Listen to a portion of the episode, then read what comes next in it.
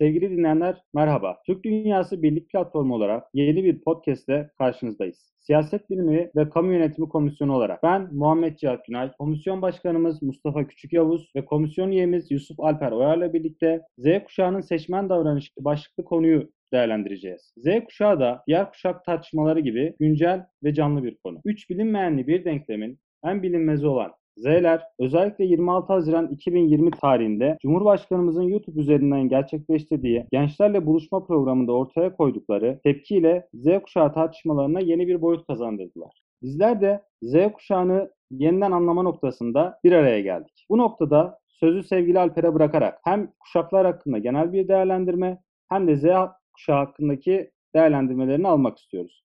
Evet Alper söz sende. Teşekkür ediyorum. Herkese merhabalar.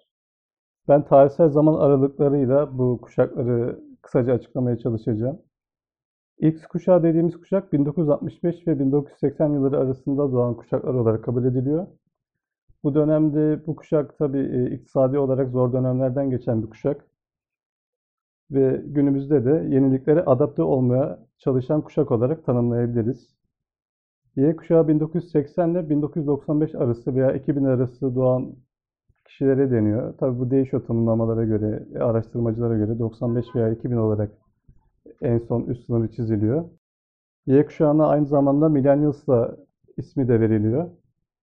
E bu kuşak artık bir geçiş döneminde doğmuş bir kuşak. Sovyetlerin dağıldığına şahitlik eden bir kuşak. 80'lerde büyük teknolojik devrimlerin başlangıcını gören bir kuşak. Tabii ilk 80'lerde doğanlar açısından. Steve Jobs'lar, Bill Gates'ler bilgisayarda işletim sistemlerinde çok büyük devrimler gerçekleştirdiklerinde bu kuşağın yaşamı çok şekillendi. Ve bu kuşak bu değişimleri kucaklayarak bir hayat görüşüne sahip oldu. Ki Türkiye'de de 1995 yılına gelindiğinde dergilerin başlıklarını Türkiye bilgi çağına hazır mı başlıkları yer alıyor dergilerde. Z kuşağı da 2000 2010 arası veya 95 veya 2010 arasını temsil eden bir kuşak. Bu kuşak da zaten Y kuşağından sonra teknolojinin içine doğan bir kuşak. Kendilerini sosyal medyada daha rahat ifade edilen bir kuşak olarak tanımlanabiliyor. Aslında Y kuşağı ve Z kuşağı arasında büyük benzerlikler de bulunuyor. Araştırmacıların söyledikleri bunlar. Y kuşağı daha çok bireyselci olarak kabul ediliyor. Z kuşağı da yine aynı bu şekilde. Y kuşağı tanımlamalarında genelde takım oyunu, takıma oyununa uygun olmadıkları söz ediliyor. Ama Z kuşağı belki birkaç tık daha bir takım oyuncusu olabildikleri ifade edilebiliyor. Bu iki kuşak arasındaki benzerliklerde iki kuşağın da dikkat süreleri çok dikkat çekici. Hem Y kuşağı hem Z kuşağı içinde dikkat sürelerinin diğer eski kuşaklara göre azaldığı ifade ediliyor. Ama Z kuşağı aynı zamanda bu dikkat süresi ne kadar azalsa da daha yaratıcı oldukları ve aynı zamanda birkaç işle birlikte baş edebildiklerini gösteriyor. Alper teşekkür ederiz. Şimdi bu noktada sözü komisyon başkanımız Mustafa'ya bırakıyorum. Kendisinden Z kuşağının sosyal hayattaki varlığı üzerine değerlendirmelerini almak istiyorum. Evet, söz sende. Teşekkürler Cihat. Öncelikle ben de herkesi e, selamlıyorum. Z kuşağın dediğimiz gibi, Alper'in de tanımladığı gibi çok hızlı, çok atılgan bir kuşak. Z kuşağın sosyal hayattaki durumuna baktığımızda şunu söyleyebiliriz. Son derece büyük ve geniş bir kitleden bahsediyoruz burada Z kuşağı olarak bahsettiğimizde. Bazı veriler bunun yaklaşık 20 milyon olduğunu, siyaseten de yoğun bir nüfusu ifade ettiğini söylüyorlar. Ülkemiz Avrupa'nın en geç nüfusuna sahip olması hasebiyle bu kuşağın etkileri ülkemizde yoğun olarak görüyoruz. Ee, hangi zaman aralığından bahsedilirse bahsetsin, Z kuşağı oldukça bazı konularda diğer kuşaklara göre şanslı diyebiliriz. Bu şansları e, Alper az önce açıkladı. Bunlardan yine bazılarını söylemek gerekirse, bilgi erişmede biraz daha şanslılar. Teknolojiyle iç içe büyüdüler. Yani bu gibi şansları var. Bu kuşak hakkında bir genelleme yapmanın ben çok doğru olmayacağını düşünüyorum. Ama homojen bir dağılım olmadığını söylemem gerekir. E, bu kuşak böyle Alper az önce bahsetti. İşte 2000'li yıllardan 2010 2010'lu yıllara doğru kuşağı temsil ediyor. Aynı zamanda dilinde doğanları bahsetsek de maalesef e, hayat herkese aynı şekilde aynı şartları sunmuyor. Bunu şey yapmamız lazım, belirtmemiz lazım. Bunu şöylece bir örneklendirdiğimiz zaman bugün bir İskandinav ülkesinde doğan bir birey ile e, Orta Doğu'da doğan bir birey maalesef hayat koşulları aynı değil. Bundan dolayı hani aynı hani bir genelleme bu yüzden kaçınıyoruz. Hani diyoruz ya işte coğrafya kaderdir. İşte coğrafya kader olması buradan devreye giriyor. Ama genel hatlarıyla bugün söyleyeceklerimiz normal hayat standartlarına sahip kabul ettiğimiz genelde ülkemiz gençleri üzerinden bir podcast gerçekleşecek. Ee, Z kuşağının şöyle bir özelliklerinden bahsedecek olursak hani bu öncelikle ben gelenekçi olmadıklarını düşünüyorum. Şunu da şöyle açıklıyorum. Yaşadıkları dönem itibariyle küreselleşme ve işte küreselleşme, kalkan sınırlar, hani dünyanın küçük bir köy olması gibi durumlardan dolayı toplumsal değerlerden biraz kopuk e, hayat sergiliyorlar. Ve de bunlar da toplumsal değerleri yabancılaştıklarını gösteriyor. Tabii bunun beraberinde ne oluyor? Bazı Z kuşağına mensup bireyler e, ülke meselelerinden ziyade şahsi meseleleri burada ön plana atıyor. E, ve giderek aslında ulus devletin böyle daha hani dağılmasının ya da tarif edilmesinin Z kuşağın hani Z kuşağından mı kaynaklanacağı bizi düşündürücü hale geliyor. Öncelikle dünyada bir ka- genel kabul var Z kuşağı hakkında. Z kuşaklarının apolitik olduğu söyleniyor ama yani genel baktığımızda literatürde böyle söylenmesine rağmen bu ülkemizde böyle olmadığını görüyoruz. İşte bakıyoruz misal şu zamanlarda işte Atatürkçülük, milliyetçilik, Türkçülük, yükselen şeyler, ideolojiler mi deriz artık, değerler mi deriz. Yani böyle bir durum var. Ondan dolayı ben çok apolitik olduklarını düşünmüyorum. Bu kuşak daha çok çevreci, eşitlikçi değerleri kabul ediyor. Yani en ufak şeyde bu konulara e, müdahalede bulunuyorlar. Bir de belir, belirsizlikleri sevmiyorlar. Yani bu belirsizliklerden kastım gelecekle ilgili kaygıları. Yani bun, bunlardan dolayı siyasilere zaman zaman nefret duydukları bile oluyor. Ee, Z kuşağının en sevmediği konulardan bir tanesi de görüşlerin dikkate alınmaması, görüşlerine saygı duyulmaması. Bunlar e, Z kuşağının en çok canını sıkan durumlar. Z kuşağı kişisel düşünce ve görüşlerinde özgürlük istiyorlar. Buna önem veriyorlar. Buna müdahale edilmesine uygun bulmuyorlar. Yani böyle bir yapıları var. Bir diğer özelliğimiz Z kuşağı popülist söylemlerden çabuk manipüle oluyor. Yani söylemin önünü ardını çok fazla araştırmadan e, hemen bir paylaşımla bu konuda görüşünü açıklıyor. Bu da hani onlar için bir dezavantaj gibi bir şey. Z kuşağının bir diğer şeyi e, moda olanı çabuk benimsiyor. Yani daha az bunu daha az gelenekçi olarak da kabul edebiliriz. Kendine e, bir, bir kişi ya da bir kurumu rol model olarak bulmada hiç zorlanmıyorlar. Bu onlar için e, oldukça kolay bir konu. Yani benim de ifade edeceğim şeyler şimdilik bunlardır. Cihat söz sende. Şöyle bir durum ortaya çıkıyor. Şimdi Alper az önce açıklamalarını yaparken sosyal medyada etkin olduklarını, bireyselci olduklarını ve yerine göre yırtıcı bir tavırlarının olduğunu söyledi. Sen de bunların üzerine Z kuşağının duyarlı bir tarzı olduğunu, toplumsal olaylar karşısında duyarsız olmadıklarını, aksine duyarlı olduklarını ifade eden cümleler kurdun. Bu bana şunu gösterdi ya da öyle yorumluyorum. Z kuşağı gelecek açısından ümit var olabileceğimiz bir kuşak. Yani hem sorgulayan, bireysel olduğu kadar toplumsal olaylar karşısında duyarlı olabilen bir kuşak. Dolayısıyla bunun faydalı olacağını düşünüyorum Mustafa. Ben de teşekkür ederim. Sevgili dinleyenler, buraya kadar konuştuklarımızda bir kavram olarak teknoloji karşımıza çıktı. Z kuşağının en muktedir olduğu alanlardan biri teknoloji. Tabi bu noktada kitle iletişim araçları önemli bir rol oynamakta. Kitle iletişim araçlarının değerlendirilmesi noktasında biraz sonra bir tartışmamız olacak. Öncesinde ise girizgahta bahsettiğim üzere gençler beğendikleri ya da beğenmedikleri konular hakkında sosyal medya üzerinden tepkilerini ortaya koymaktalar. Özellikle Z kuşağı tepkilerini bu şekilde ortaya koyuyor. Elbette ki bu durum siyasetten bağımsız değil. Yani siyasete yansıması olacak bu durumun. İşte bu noktada sözü tekrar sevgili Alper'e vererek Z kuşağının seçmen davranışı hakkındaki değerlendirmelerini almak istiyorum. Ben sayısal verilerle başlamak istiyorum. Öncelikle 2019 yerel seçimleriyle 1.2 milyon Z kuşağından seçmen katıldı aramıza. Seçimlerde oy kullanmaya başladılar. Bu 2023 yılında da 7 milyon Z kuşağından seçmenin katılacağı söyleniyor e, istatistik verilere göre. Bu veriler bize gösteriyor ki 2023 yılındaki seçimlerde Z kuşağı tam %12'lik bir oy oranını kapsıyor. Bu da çok önemli bir oran olarak karşımıza çıkıyor. Bu Z kuşağının tabii nasıl oy vereceğini tahmin etmek için daha önce zaten önceden beri 2015 yılından itibaren 18-24 yaş arası seçmenin nerelere oy kullandığı ve oy kullanıp kullanmadığına göre anketler yapılıyordu. 2015'ten beri yapılan anketlere genel olarak incelendiğinde genelde 18-24 yaş arası yaş grubunun %50'sinin veya %60'ının oy kullanmak için sandığa gitmediği anketlerde ortaya çıkıyordu.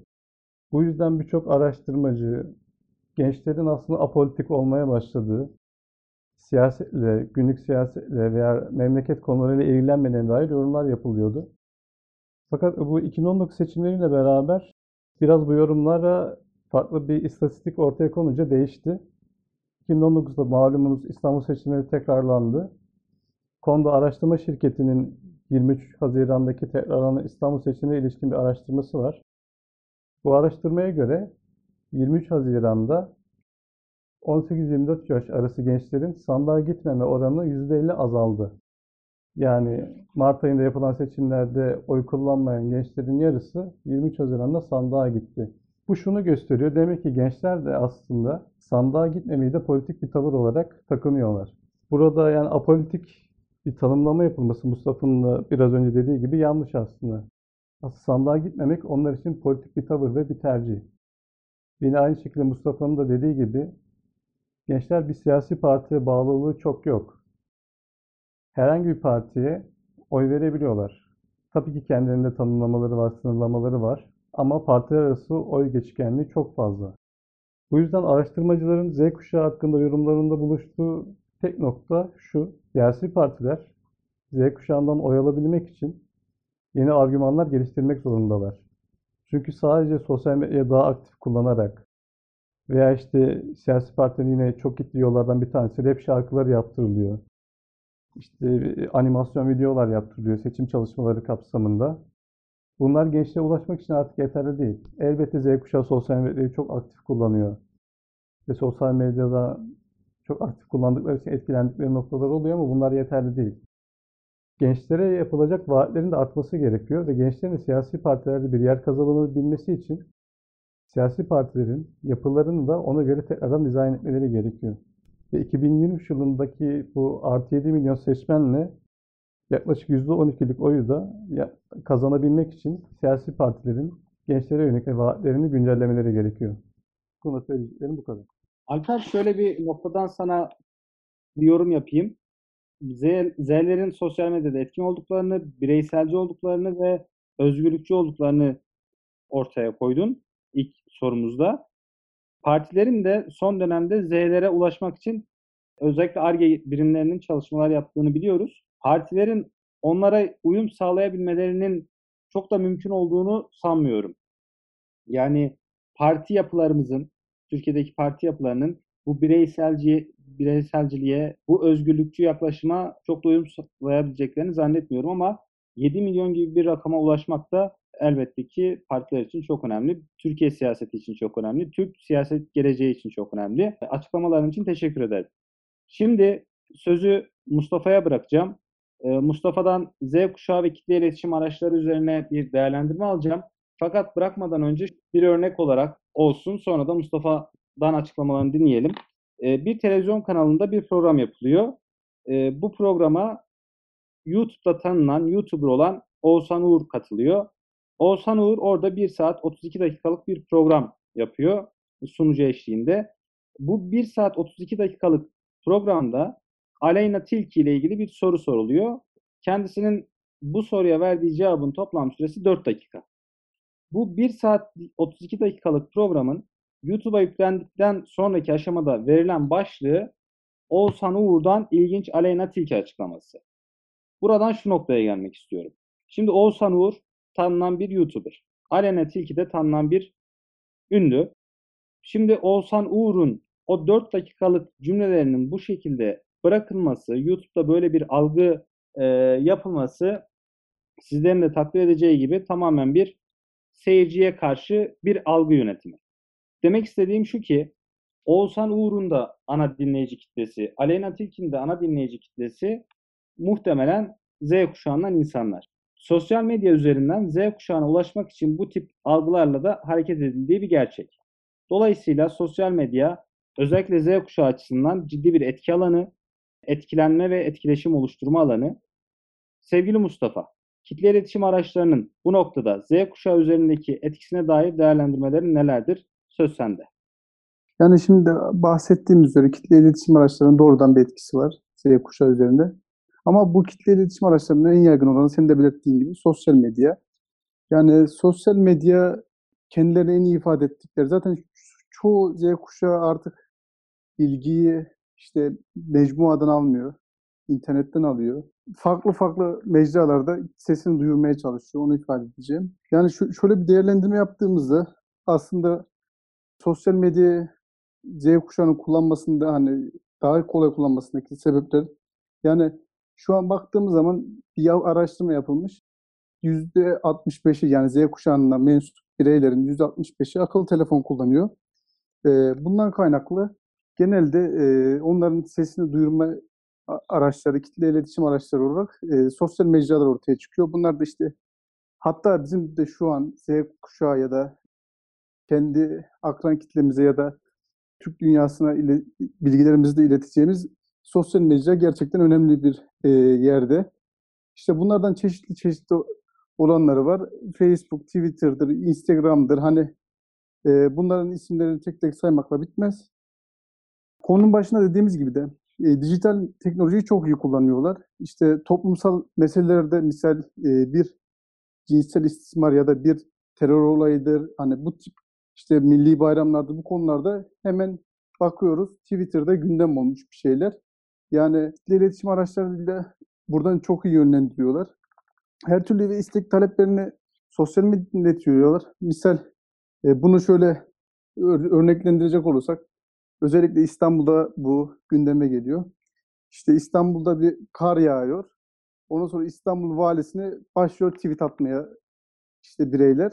Sonra bakıyoruz İstanbul valisinin şeyi takipçisi bir anda milyonlara dayanmış. Sonra işte vali amca tatil yap, vali amca tatil yap. Hani bu şekilde e, örgütleniyorlar. Evet Cihat, senin de dediğin gibi girizgahta söylediğin gibi bu YouTube'da Cumhurbaşkanımızın bir şeyi olduydu, canlı yayını olduydu. Bu üniversite sınavının ertelenmesiyle ilgili e, Z kuşağına epey bir tepki geldi. Hatta oy yok falan yazıyorlardı. Sonrasında o video 400 bin civarın dolaylarında bir dislike aldı. Sonrasında da işte Z kuşağı belki şu an bile artıyordur onu da bilemeyiz.